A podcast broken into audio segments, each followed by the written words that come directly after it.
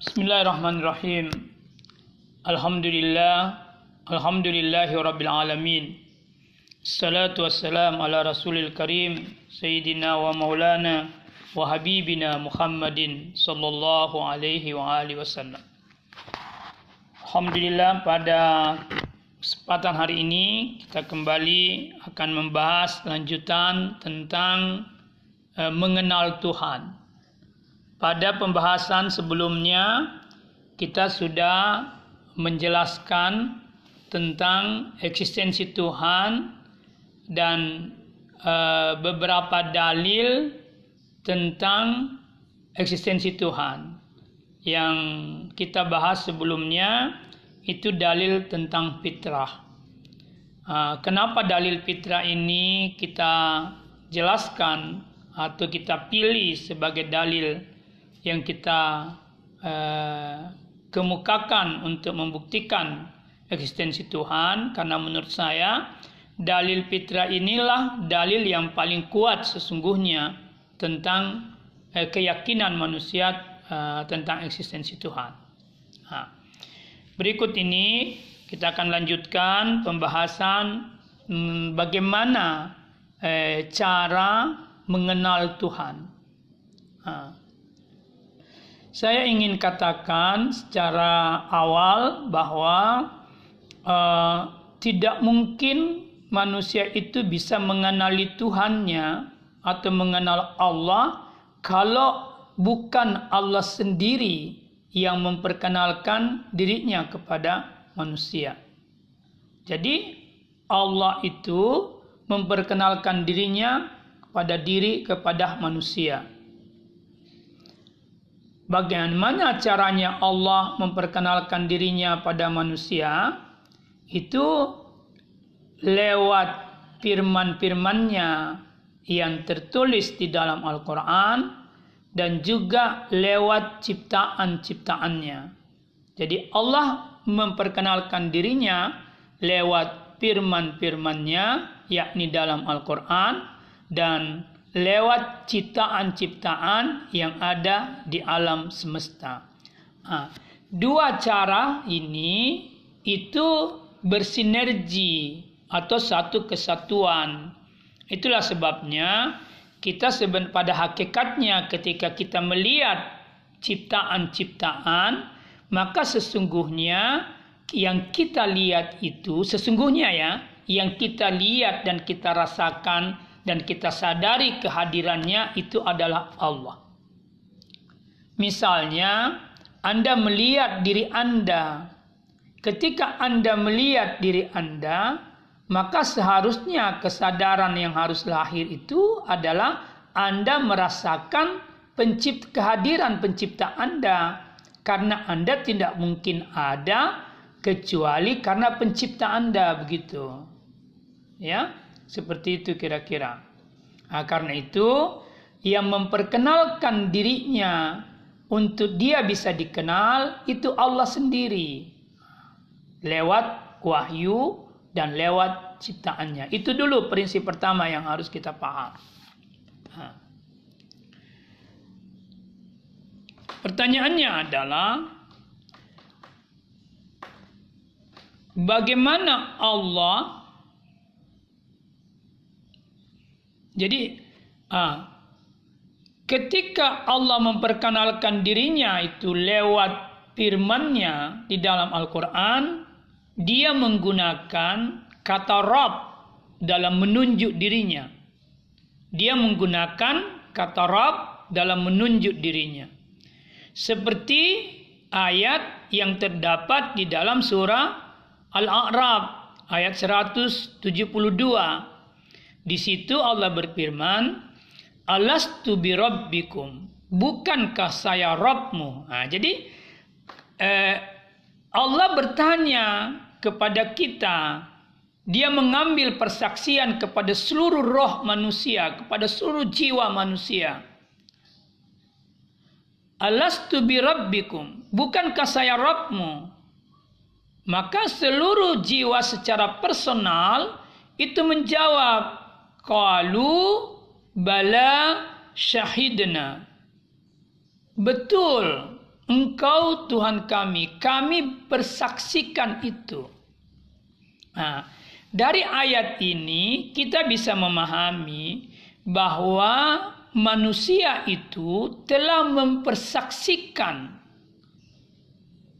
bahwa Allah adalah Robnya. Di alam ruh, dia sudah bersaksi bahwa Allah adalah Robnya. Berdasarkan ayat 172 surah ketujuh. Nah, sekarang pertanyaannya, apa makna Rob? Apa makna Rob? Kata Rob itu paling tidak kita bisa maknai dengan beberapa makna. Yang pertama, Rab itu berarti pencipta. Yang kedua, Rab itu berarti pemilik. Yang ketiga, Rab itu berarti penguasa. Yang keempat, Rab itu berarti pemelihara. Yang kelima, Rab itu berarti pengatur. Atau yang keempat, keenam, Rab itu berarti penetap hukum. Juga Rab berarti pendidik. Dan Rab juga bisa berarti pemberi kebajikan. Ya. Nah, jadi ketika kalau makna-makna Rab ini yang sangat fungsional, yang sering diterjemahkan dengan Tuhan, ha, itu kita tarik pada pertanyaan Tuhan di alam roh itu, yakni alastu birabbikum, maka maknanya adalah bukankah saya penciptamu? Nah, ini bukankah saya penciptamu. Maka pertanyaan ini dijawab secara personal oleh manusia. Bala syahidna. Betul, engkau pencipta kami. Jadi manusia itu sudah mengakui Tuhan Allah sebagai penciptanya. Dan itu pengakuan ada dalam dirinya.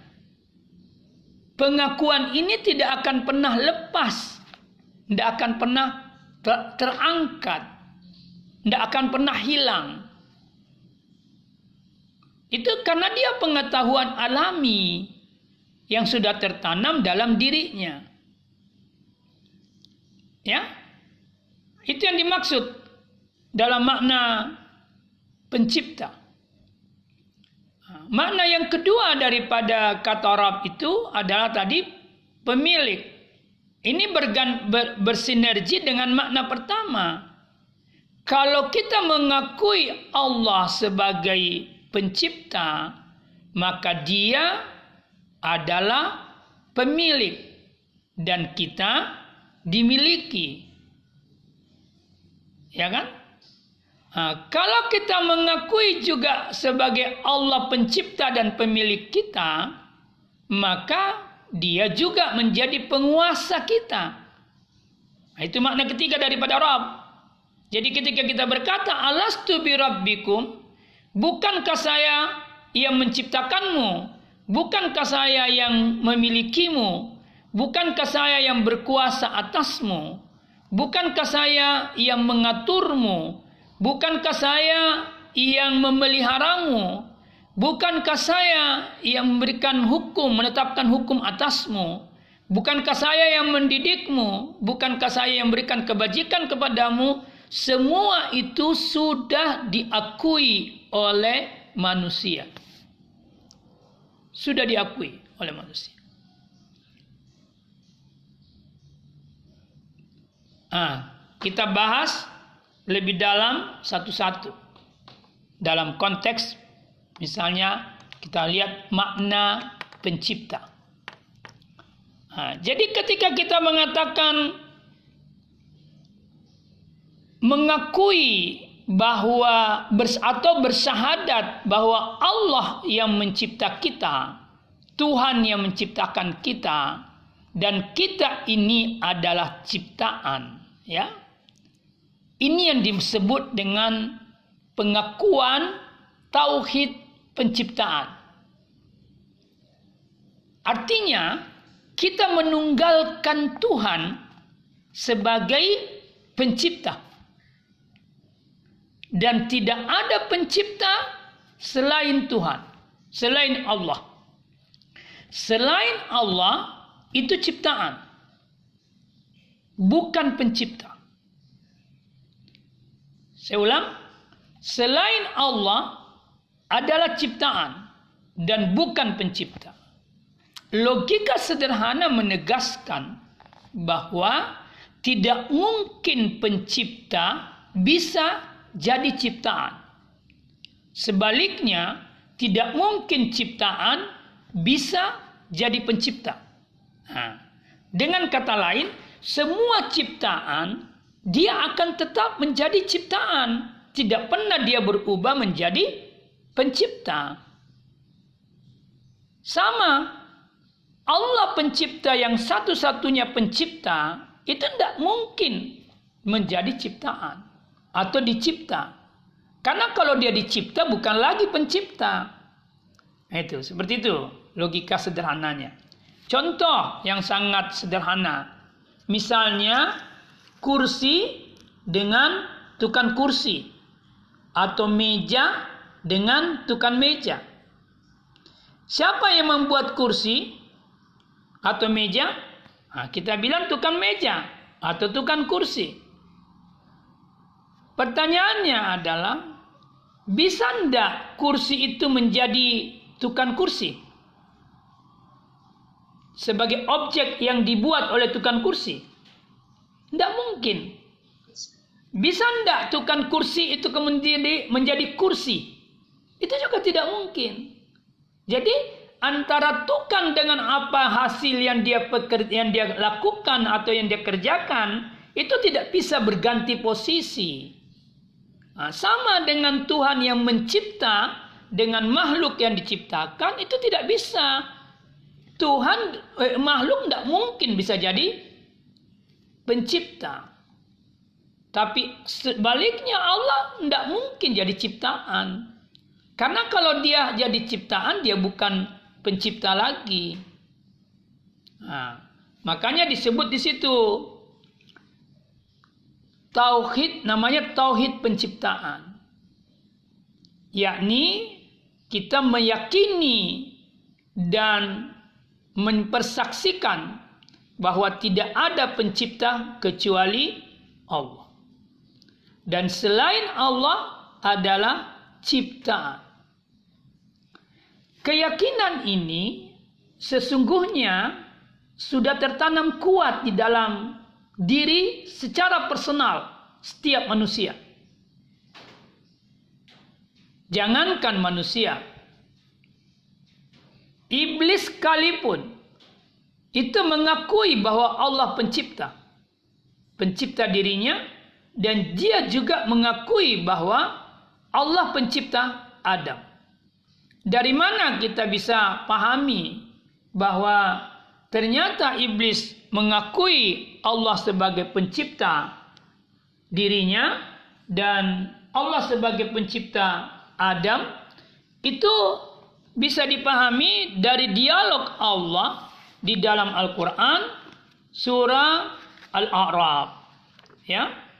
Di dalam surah Al-A'raf itu ketika iblis atau ketika malaikat dan iblis diperintahkan oleh Allah untuk sujud kepada Adam, maka malaikat pun sujud. Ad, eh, iblis tidak sujud. Maka ditanya oleh Allah, ha, ya, ditanya oleh Allah, apa pertanyaannya Allah? Ma mana'aka alla tasjuda iz amartuka? Kata Allah, apa yang mencegahmu iblis sehingga kamu tidak sujud ketika aku perintahkan? Atau dengan kata lain, apa yang mencegahmu iblis tidak sujud padahal aku yang perintahkan kamu sujud? Ya. Jadi Allah bertanya, "Qala ma mana'aka alla tasjuda iz amartuka?" Qala lalu iblis berkata, "Ana khairun minhu." Saya lebih baik dari Adam. Kenapa dia merasa lebih baik dari Adam? Keterangan ayat ini mengatakan, iblis berkata, "Halaktani min nar wa halaktahu min tin." Saya merasa lebih baik dari Adam karena saya engkau ciptakan saya dari api sementara engkau ciptakan Adam dari tanah. Ini. Jadi katakan halaktani engkau ciptakan saya minar dari api wahalak tahu mintin. Sementara engkau ciptakan Adam dari tanah. Nah, di sini kan iblis mengakui bahwa dia diciptakan oleh Allah. Iblis juga mengakui bahwa Adam diciptakan oleh Allah. Jadi dengan kata lain, iblis mengakui bahwa Allah itu pencipta. Iblis juga mengakui bahwa Adam itu ciptaan. Gitu kan? Iblis juga mengakui bahwa dirinya juga adalah ciptaan. Nah, pertanyaannya, ada ndak keterangan kita dapatkan bahwa iblis pernah mengaku jadi Tuhan? Hmm? Menurut saya sampai hari ini pembacaan saya belum pernah saya temukan bahwa iblis itu mengaku Tuhan. Mengaku sebagai Rob. Ya. Jadi sebenarnya Iblis saja mengakui. Iblis saja mengakui bahwa Allah adalah Rabb yang menciptakan dia dan menciptakan Adam dan menciptakan segalanya. Iblis aku itu. Bahkan secara tersirat kalau kita lanjutkan ayat ini ya. Kemudian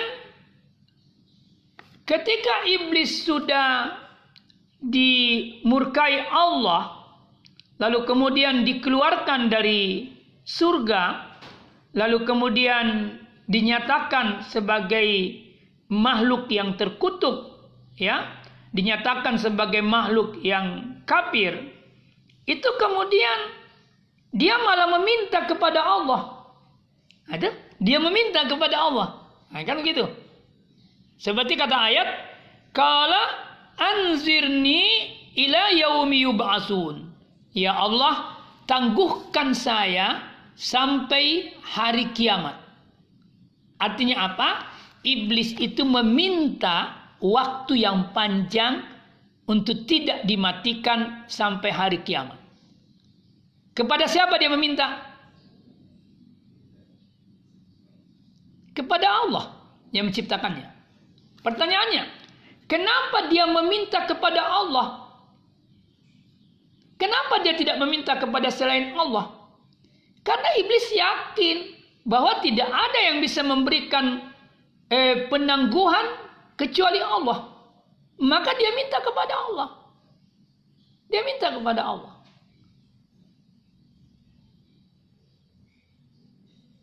Karena bagi dalam logika pikiran iblis itu yang bisa memberikan dia sesuatu adalah yang menciptakannya. Nah, lalu kemudian Allah menjawab, "Qala innaka minal munzarin." Kamu ditangguhkan, dipanjangkan umurmu. Itu.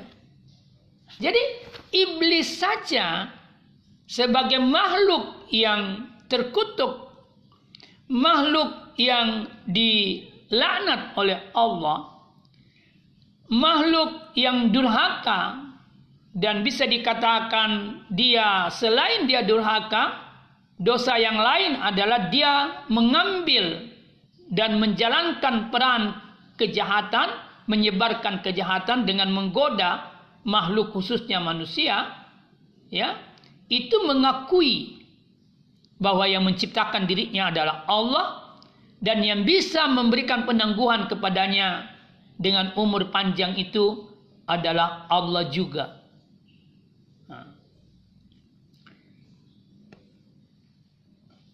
kita kembali ke makna tauhid penciptaan. Nah, jadi sekali lagi manusia itu dalam dirinya telah mengakui bahwa Allah penciptanya. Itu sudah tertanam. Ya, tertanam dengan kuat. Ah. Makna kedua, ketika dia mengakui bahwa Allah penciptanya, maka konsekuensi logis dari pengakuan ini adalah dia juga harus mengakui bahwa yang berkuasa berkuasa atas dirinya hanyalah Allah. Maka makna Rab yang kedua adalah tauhid makna Rab yang tauhid yang kedua yang kita bisa pahami dari kata Rab ini tidak ada penguasa kecuali Allah. Penguasa yang tunggal itu kecuali Allah. Kekuasaan itu dan kepemilikan itu hanya pada Allah. Kalau sekiranya manusia memiliki dan tampak memiliki dan berkuasa, maka kekuasaan dan pemilikan yang dimiliki oleh manusia itu dari Allah bukan dari dirinya sendiri. Nah, itu ya. Karena yang berkuasa dan memiliki adalah Allah. Karena dia yang menciptakan. Manusia tidak memiliki kekuasaan mutlak dan tidak memiliki eh, tidak memiliki dan berkuasa secara mutlak itu karena memang dia bukan pencipta. Jadi kalau ada kekuasaan pada dirinya, maka itu kekuasaan yang berasal dari luar dirinya, yakni dari penciptanya, bukan dari dirinya sendiri secara mandiri. Ini keyakinan yang kedua yang kita harus sadari bahwa tidak ada yang berkuasa, tidak ada yang memiliki kecuali Allah saja. Ini namanya tauhid kepemilikan atau tauhid penguasaan. Ya. Yang ketiga,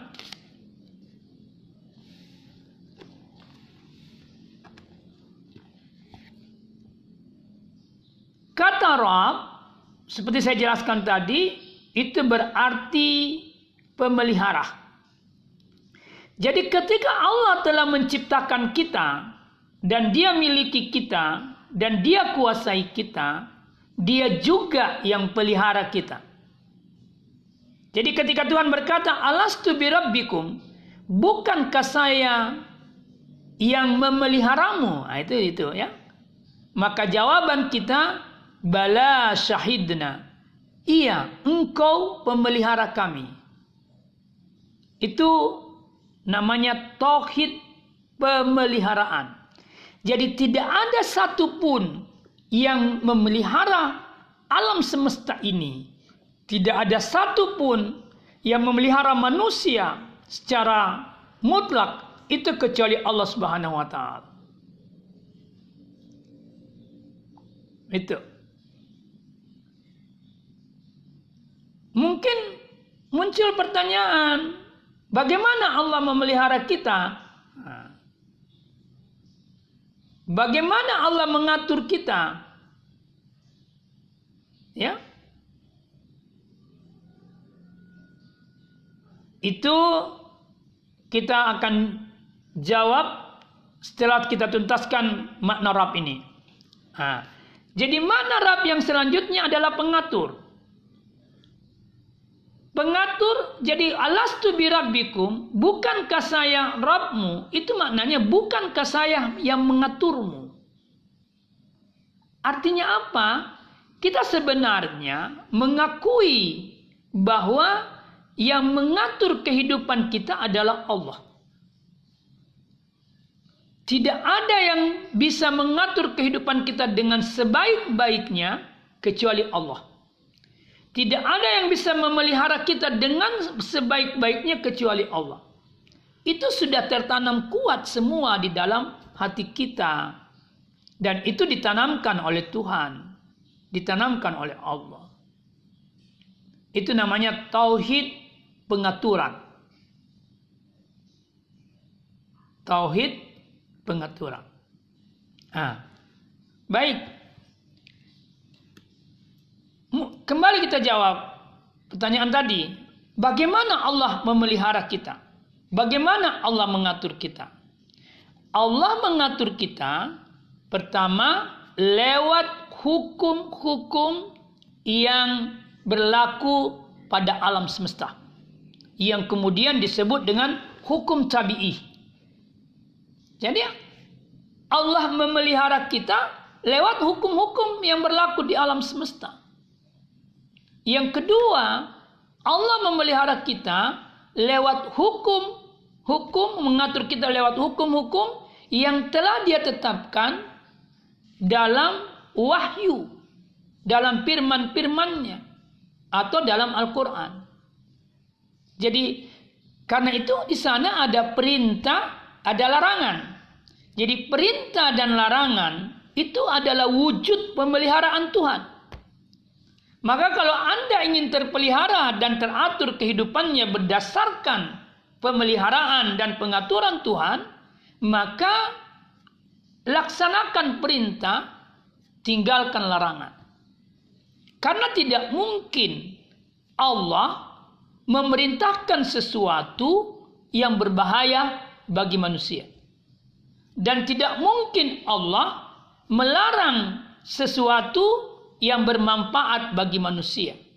Dengan kata lain, apa yang Allah perintahkan pasti bermanfaat dan dibutuhkan oleh manusia.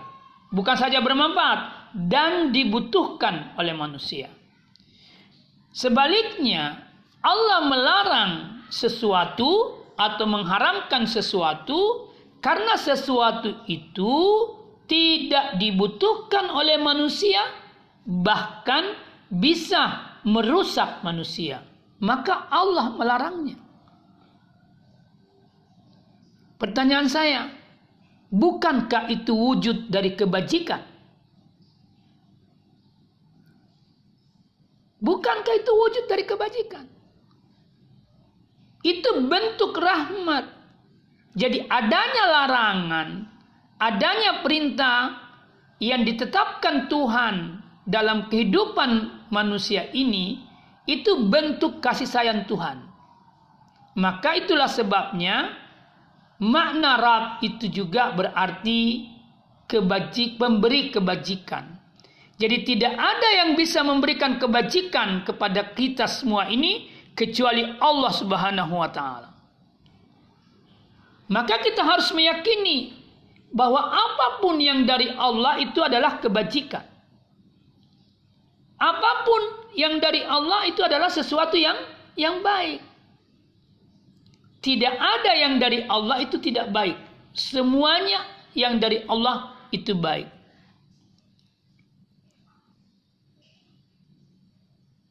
Karena Allah sumber kebajikan. Allah maha baik. Ini juga harus diyakini. Dan sebenarnya manusia itu mempercayainya. meyakini bahwa apa pun yang dari Allah itu baik. Mungkin ada yang bertanya, sakit itu baik atau tidak? Miskin itu baik atau tidak? Sesungguhnya sakit yang sering kali dianggap tidak baik, di situ banyak kebaikan. Atau dengan kata lain, musibah yang sering kali dianggap tidak baik, di situ ada kebaikan tergantung bagaimana cara pandang kita dalam dalam melihat musibah. Ya. Kalau cara pandang kita melihat musibah itu adalah cara pandang ilahi, cara pandang ketuhanan, ya, maka kita akan mampu melihat pada musibah itu ada kebajikan. Contohnya gini dalam konteks musibah sakit. Di dalam sakit itu ada pengampunan Tuhan. Itu? Sakit itu berfungsi untuk mengampuni dosa-dosa, menggugurkan dosa-dosa. Yang kedua, sakit itu berfungsi sebagai jalan untuk mengenali Tuhan sebagai penyembuh. Misalnya, sakit itu menjadi fungsi berfungsi untuk mendapatkan pahala. Jadi pada sisi-sisi yang kita anggap buruk itu, yang kita tidak sukai, justru di sana ada kebaikan.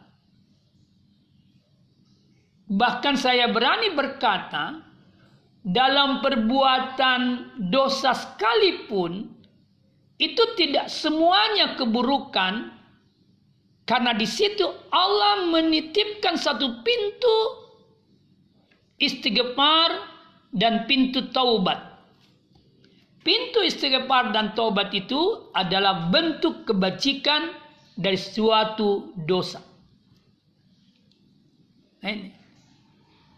Maka orang yang berbuat dosa mestinya masuk ke pintu istighfar dan masuk ke pintu taubat. Dengan begitu dia akan mendapatkan rahmat dan kasih sayang Tuhan. Contohnya siapa?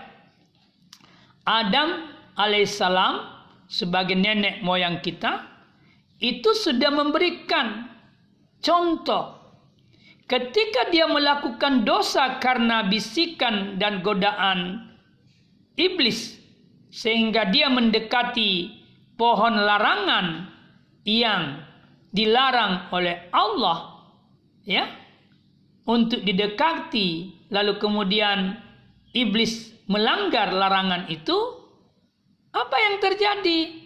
Iblis itu beristighfar dan bertobat kepada Allah dan setelah itu dia memohon kasih sayang Tuhan. Ini. Jadi beda dengan tadi siapa namanya? Dengan iblis. Iblis yang melanggar perintah Tuhan ketika dia Ditanya, kenapa engkau tidak melaksanakan perintahku? Iblis justru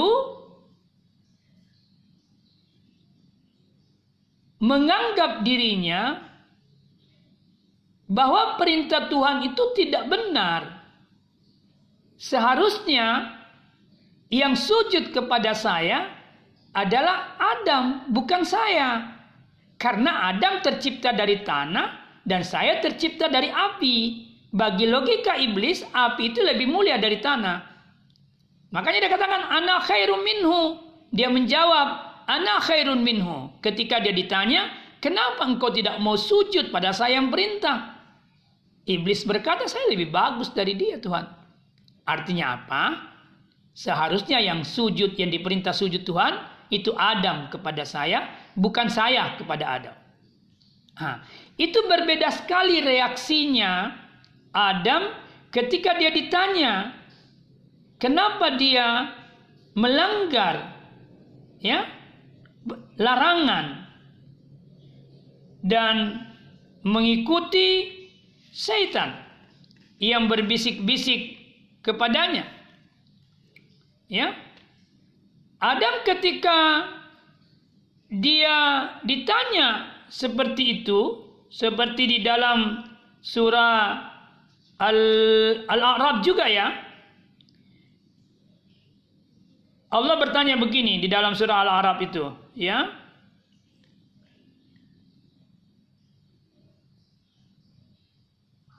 Falamma zaga syajarata badat lahuma sawatahuma sawatuhuma wa tabika yahsifani alaihima min warakil jannah wa nadahuma rabbuhuma ha. jadi ketika Adam mendekati istilah saya pohon larangan itu maka badat lahuma sawatahuma sawatuhuma maka tampaklah auratnya ya maka tampaklah auratnya Lalu kemudian Allah bertanya memanggilnya. Wa nadahuma rabbuhuma. Allah memanggil Adam dan Hawa. Allah berkata begini. Alam anhakuma antilkuma sajarah wa akul lakuma inna syaitana lakuma aduun mubin.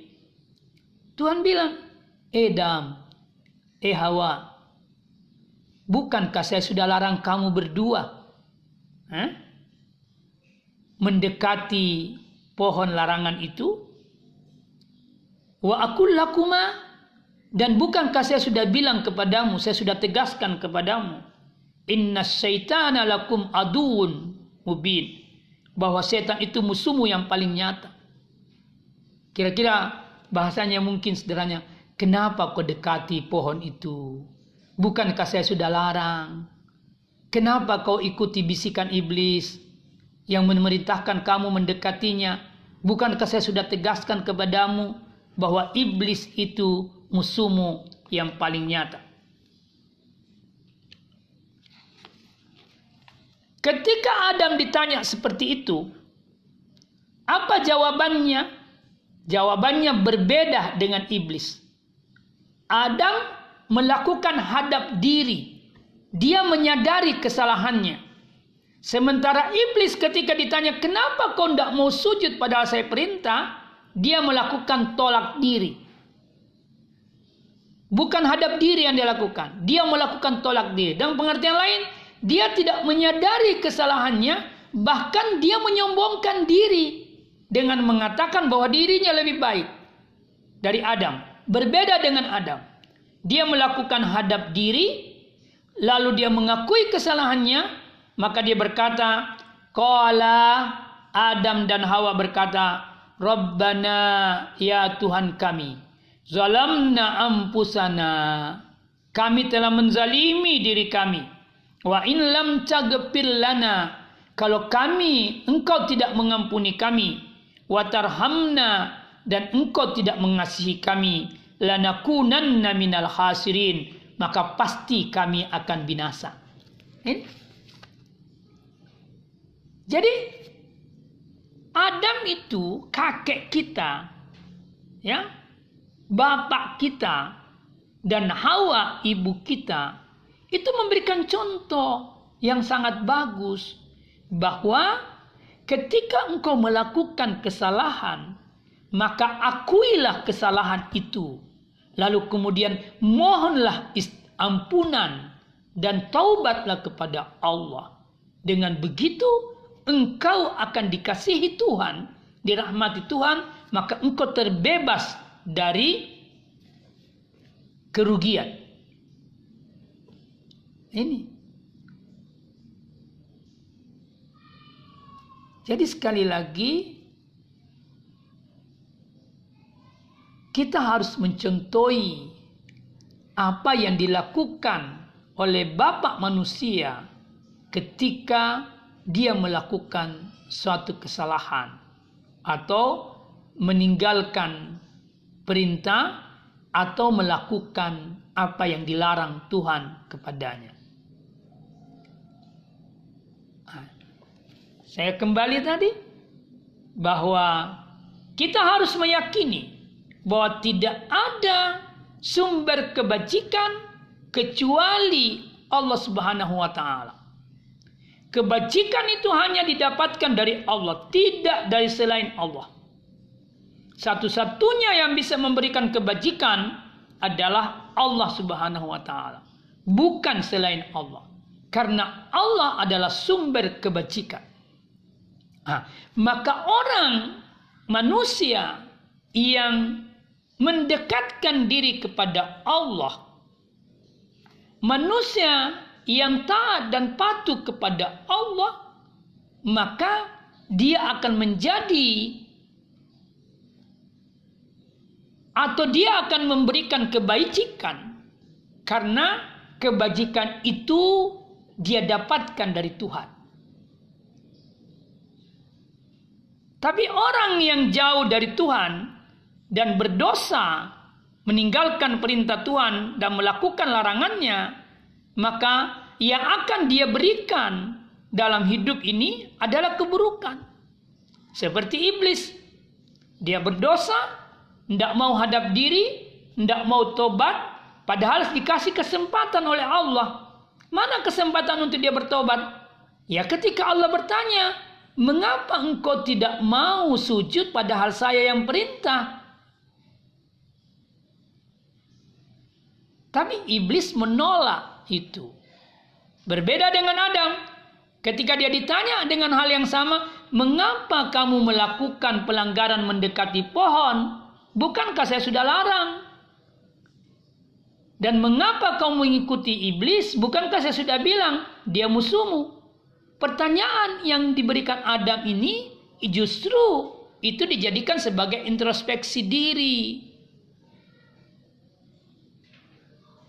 Nah, dari kisah ini kita juga bisa memahami dan menegaskan pada diri kita secara pribadi Anda sekalian bahwa Apa pun yang diperintahkan Tuhan lakukan. Meskipun kau tidak mengerti apa hikmah di balik itu. Apa pun yang dilarang Tuhan, tinggalkan. Meskipun engkau tidak mengerti bahaya di balik larangan Tuhan itu. Asal Tuhan yang perintahkan, lakukan. Atas Tuhan yang tinggalkan, yang larang tinggalkan. Itu prinsip.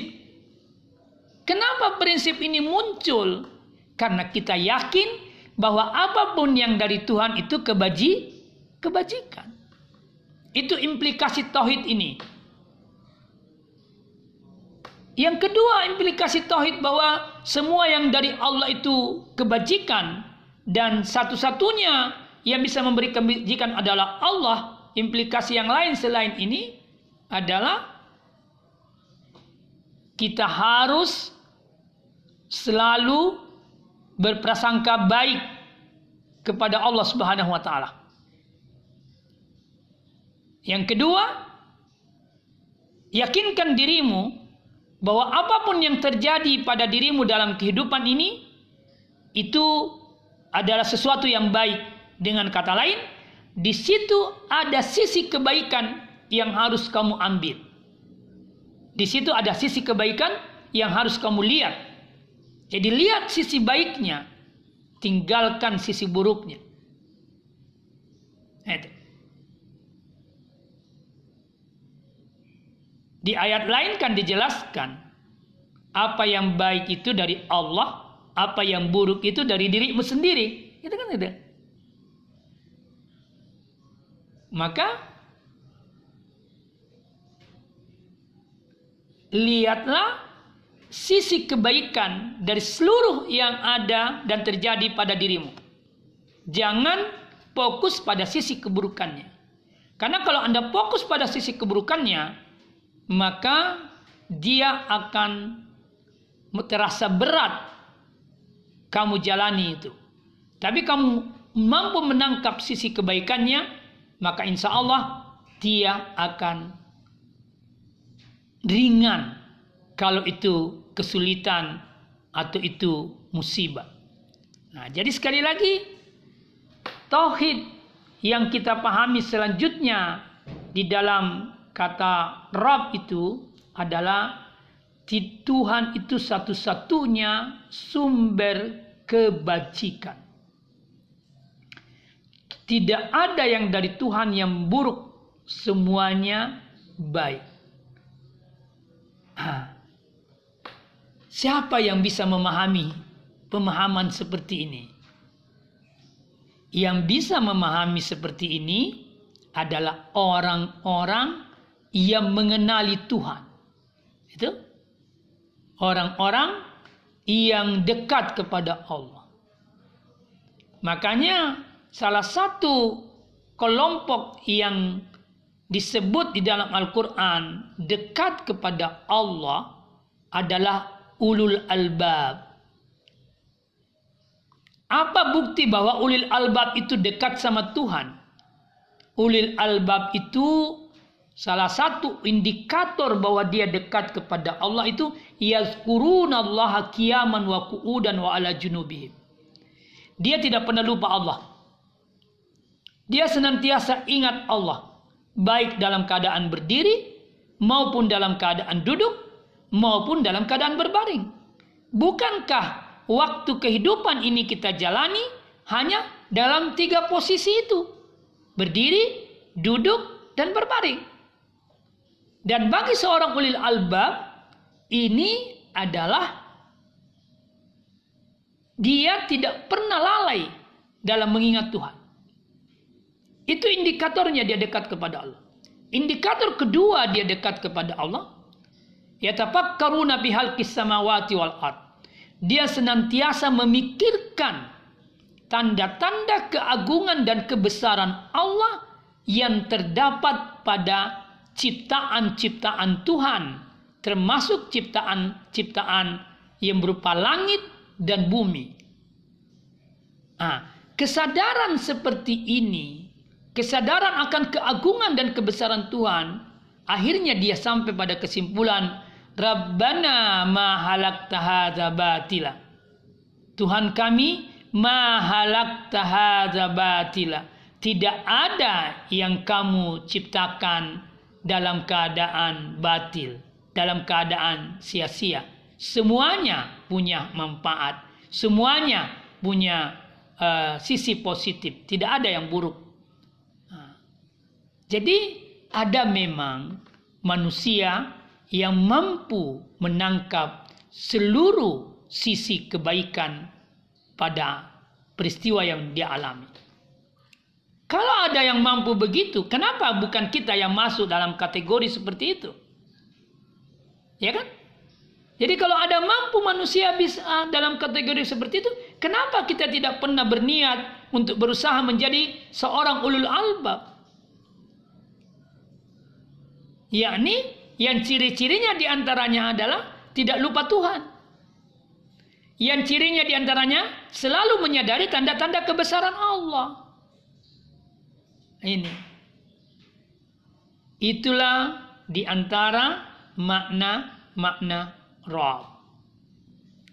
Jadi di dalam kalimat alastu birabbikum itu memberikan beberapa makna batasan-batasan tauhid yakni mengesahkan Tuhan sebagai pencipta tidak ada pencipta selain Allah yang kedua mengesahkan Tuhan sebagai pemilik dan penguasa tidak ada yang memiliki dan menguasai secara mutlak kecuali Allah. Tidak ada atau mengesahkan Tuhan atau Allah sebagai pengatur. Tidak ada pengatur kecuali Allah. Karena itu aturan-aturannya harus diikuti. Yang ketiga atau selanjutnya tidak ada yang berhak menetapkan hukum kecuali Allah. Maka hukum Allah itu harus diikuti. Dan tidak ada yang memelihara kita kecuali Allah, tidak ada yang memberikan kebajikan kepada Allah. Itu tauhid yang ke selanjutnya, kemudian tauhid yang selanjutnya tidak ada tempat meminta pertolongan kecuali kepada Allah Subhanahu wa taala. Ini batasan-batasan makna tauhid yang kita pahami dari uh, uh, kata alastu birabbikum. Nah, sebenarnya makna lain daripada pernyataan alastu birabbikum itu secara nyata itu juga mengandung makna tidak ada lagi yang disembah kecuali Allah. Jadi kalau kita mengakui Allah pencipta kita, Allah Allah pemilik kita, Allah penguasa kita, Allah pengatur kita, Allah pemelihara kita, Allah memberi kebajikan kepada kita, Allah penolong kita, maka pengakuan ini itu menjadi landasan yang kuat untuk kita meyakini bahwa tidak ada yang disembah kecuali Allah Subhanahu wa taala. Maka muncullah syahadat la ilaha illallah, tiada ilah kecuali Allah. Apa makna ilah? Makna ilah itu antara lain adalah disanjung, dipuja, dipuji. Jadi la ilaha illallah berarti tidak ada yang disanjung dan dipuji kecuali Allah. Artinya apa? Siapa pemilik keterpujian adalah Allah. Siapa yang memiliki sanjungan dan bisa memberikan sanjungan hanya Allah.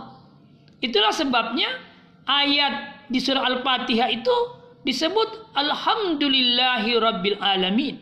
Segala puji miliknya Allah. Pertanyaannya, kenapa segala puji itu miliknya Allah?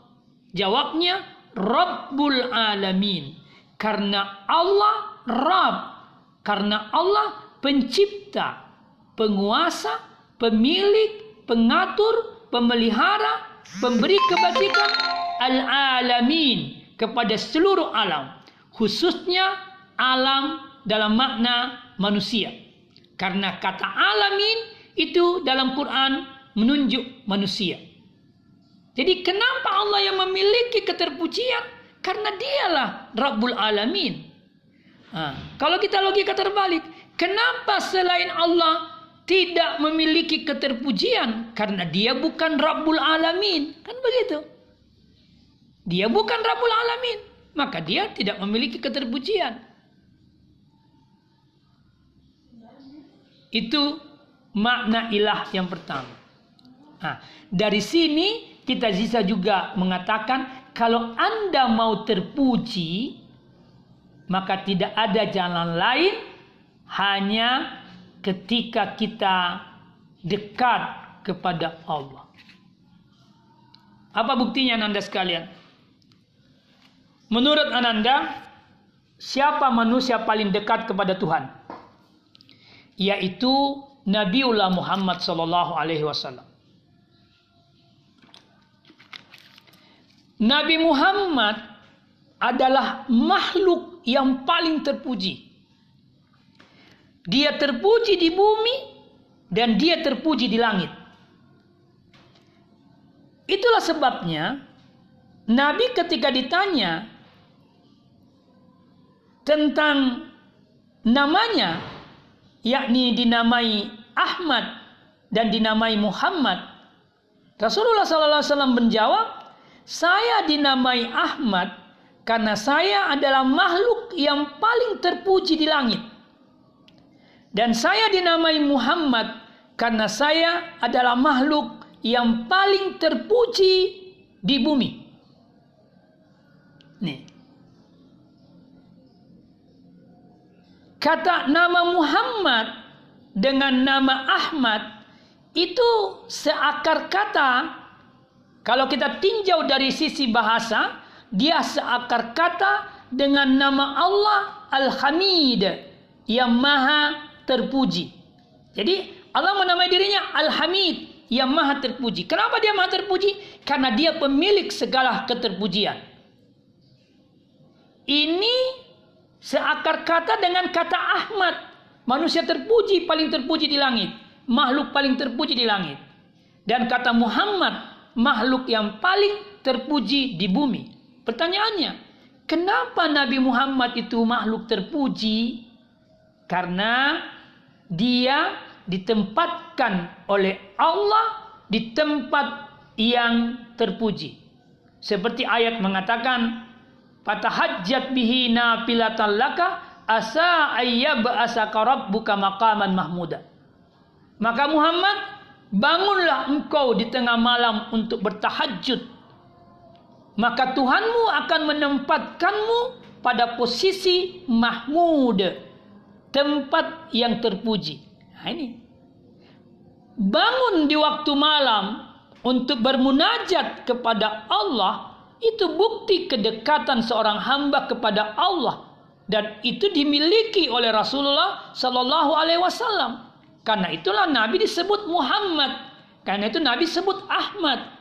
Karena dia memiliki kedudukan terpuji yang diberikan oleh Allah kepadanya karena Nabi Muhammad bermunajat mendekatkan diri kepada Allah Subhanahu wa taala. Dengan kalau ingin terpuji tidak ada jalan lain kecuali mendekatkan diri kepada Allah Subhanahu wa taala. Itu makna ilah yang pertama. makna ilah yang kedua adalah tidak ada yang dituju kecuali Allah Subhanahu wa taala. Tidak ada yang dituju. Itu tadi. Inna lillahi wa inna ilaihi rajiun. Kenapa tidak ada yang dituju kecuali Allah? Karena kita ini dari Allah, kita ini miliknya Allah, kita ini ciptaan Allah, kita ini dikuasai Allah, maka kita mesti kembali kepada Allah. Kalimat tauhid tidak ada yang dituju kecuali Allah. Implikasinya adalah semua apa yang Anda lakukan diammu maupun gerakmu tujukan kepada Allah. Lillahi taala. Kenapa? Karena kita minallah. Kita itu dari Allah. Karena Allah yang cipta kita, maka kita mestinya kita miliknya Allah, kita lillah, kita miliknya Allah. Karena kita miliknya Allah, maka mestinya kita hidup dengan billah berdasarkan aturan-aturan Tuhan. Kalau kita sudah hidup di dalam aturan-aturan Tuhan, maka kita berada billah, sudah ada di dalam area ketuhanan area kedekatan dengan Tuhan. Kalau ini terus dilanjutkan, maka kita menjadi ma'allah. Kita akan senantiasa bersama dengan Allah. Ah, dalam puncak kebersamaan kita dengan Allah, kita kembali kepada Allah. Raji'un ilallah. Maka sebenarnya eh, kalimat la ilaha illallah itu mengajarkan kepada kita bahwa hiduplah yakinkan dirimu bahwa engkau dari Allah minallah. Jadi hiduplah dalam lingkaran minallah. Titik pertama minallah. Kemudian titik kedua karena kita minallah lillah. Kita miliknya Allah. Karena itu hiduplah billah titik ketiga kita hidup dengan aturan-aturan Tuhan kalau kita hidup dalam aturan Tuhan, maka kita berada dalam pilah. Kita sudah berada dalam area ketuhanan. Kalau ini terus dikembangkan, maka kita senantiasa bersama dengan Allah, ma'allah. Nah, dalam kebersamaan dengan Allah inilah kita berharap rajiun ilallah. Kita kembali kepada Allah. Yang jadi tujuan Allah. Tidak ada tujuan yang lain kecuali Allah subhanahu wa ta'ala. Maka kalimat la ilaha illallah tidak ada yang dituju kecuali Allah Subhanahu wa taala. Makna yang keempat, ketiga dari la ilaha illallah adalah tidak ada yang dicintai kecuali Allah Subhanahu wa taala. Saya ulang, tidak ada yang dicintai kecuali Allah Subhanahu wa taala. Tidak ada yang dicintai kecuali Allah. Karena itu saudara sekalian, apa Anda mencintai Apakah kita mencintai? Iya, kita mencintai. Tapi agama mengajarkan, cintailah sesuatu itu karena Allah. Cintailah sesuatu itu karena Allah. Dan bencilah sesuatu juga karena Allah. Orang yang bertauhid dengan tauhid la ilaha illallah ini, maka mencintai karena Allah dan dia juga hidup membenci karena Allah. Jadi dia tidak akan pernah membenci sesuatu kalau tidak dibenci oleh Allah. Dan dia tidak akan pernah mencintai sesuatu kalau sesuatu itu tidak dicintai oleh Allah. Itu makna tiada dicintai kecuali Allah. Itulah sebabnya Nabi mengajarkan dalam suatu doa, Allahumma inni as'aluka hubbak. Ya Allah, aku memohon kepadamu hubbaka, cintamu. Jadi kita mohon cintanya Allah. Wa hubba may yuhibbuk dan cintanya orang-orang yang mencintaimu. Wal amalul ladzi wal amal alladzi yuballighuni ila hubbik dan amal-amal yang mengantarku untuk mencintaimu.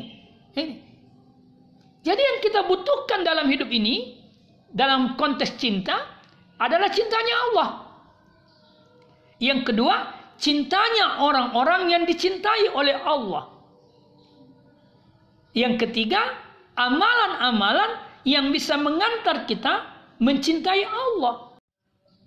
Nah, kita lanjut ya. Jadi makna yang keempat dan ini puncak makna dari kalimat la ilaha illallah adalah tidak ada yang disembah kecuali Allah.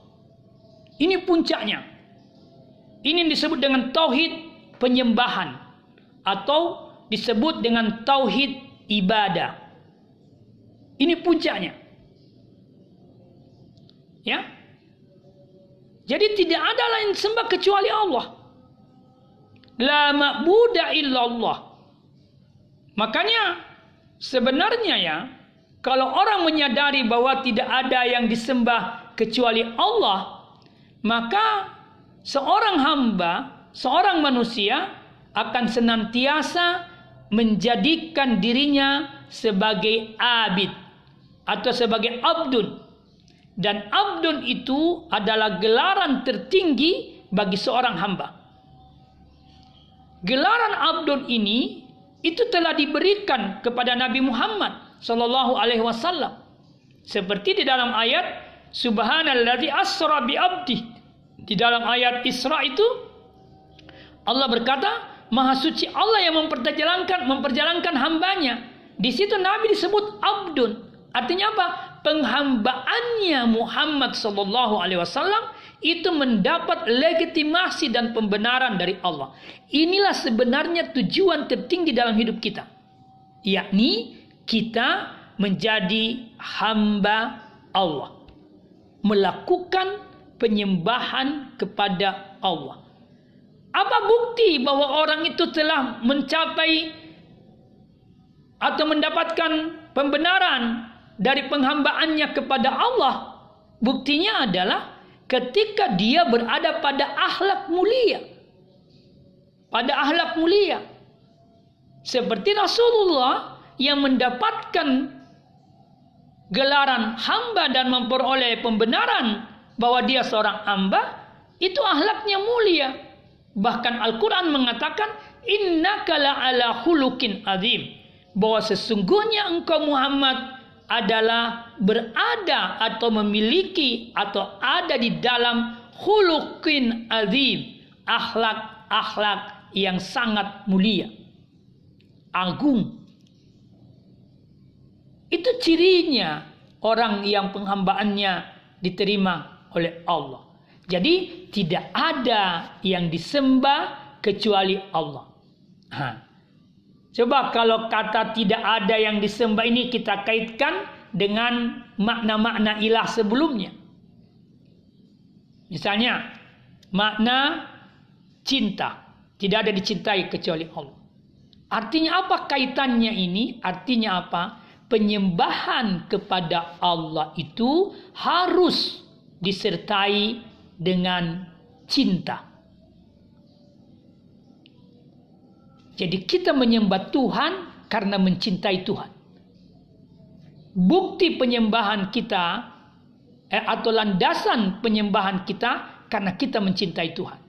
Dan sekaligus penghambaan kita kepada Allah itu akan berujung pada cinta kepada Tuhan. Karena salat misalnya, puasa misalnya, itu berujung pada cinta kepada Tuhan. Tapi itu juga harus dilakukan berdasarkan cinta kepada Tuhan.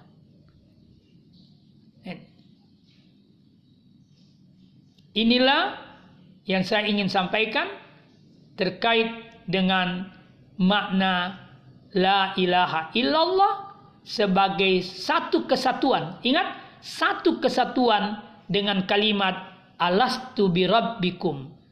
Bukankah saya Tuhanmu? Kalu bala. Betul engkau Tuhan kami. Jadi, pengakuan-pengakuan tauhid sebelumnya itu tidak boleh tidak berakhir pada tauhid ibadah. Karena semuanya berakhir dan berpuncak pada tauhid ibadah. Saya kira ini yang saya sampaikan, mudah-mudahan ada manfaatnya. Lebih dan kurangnya mohon maaf. Kita masih ada punya waktu 10.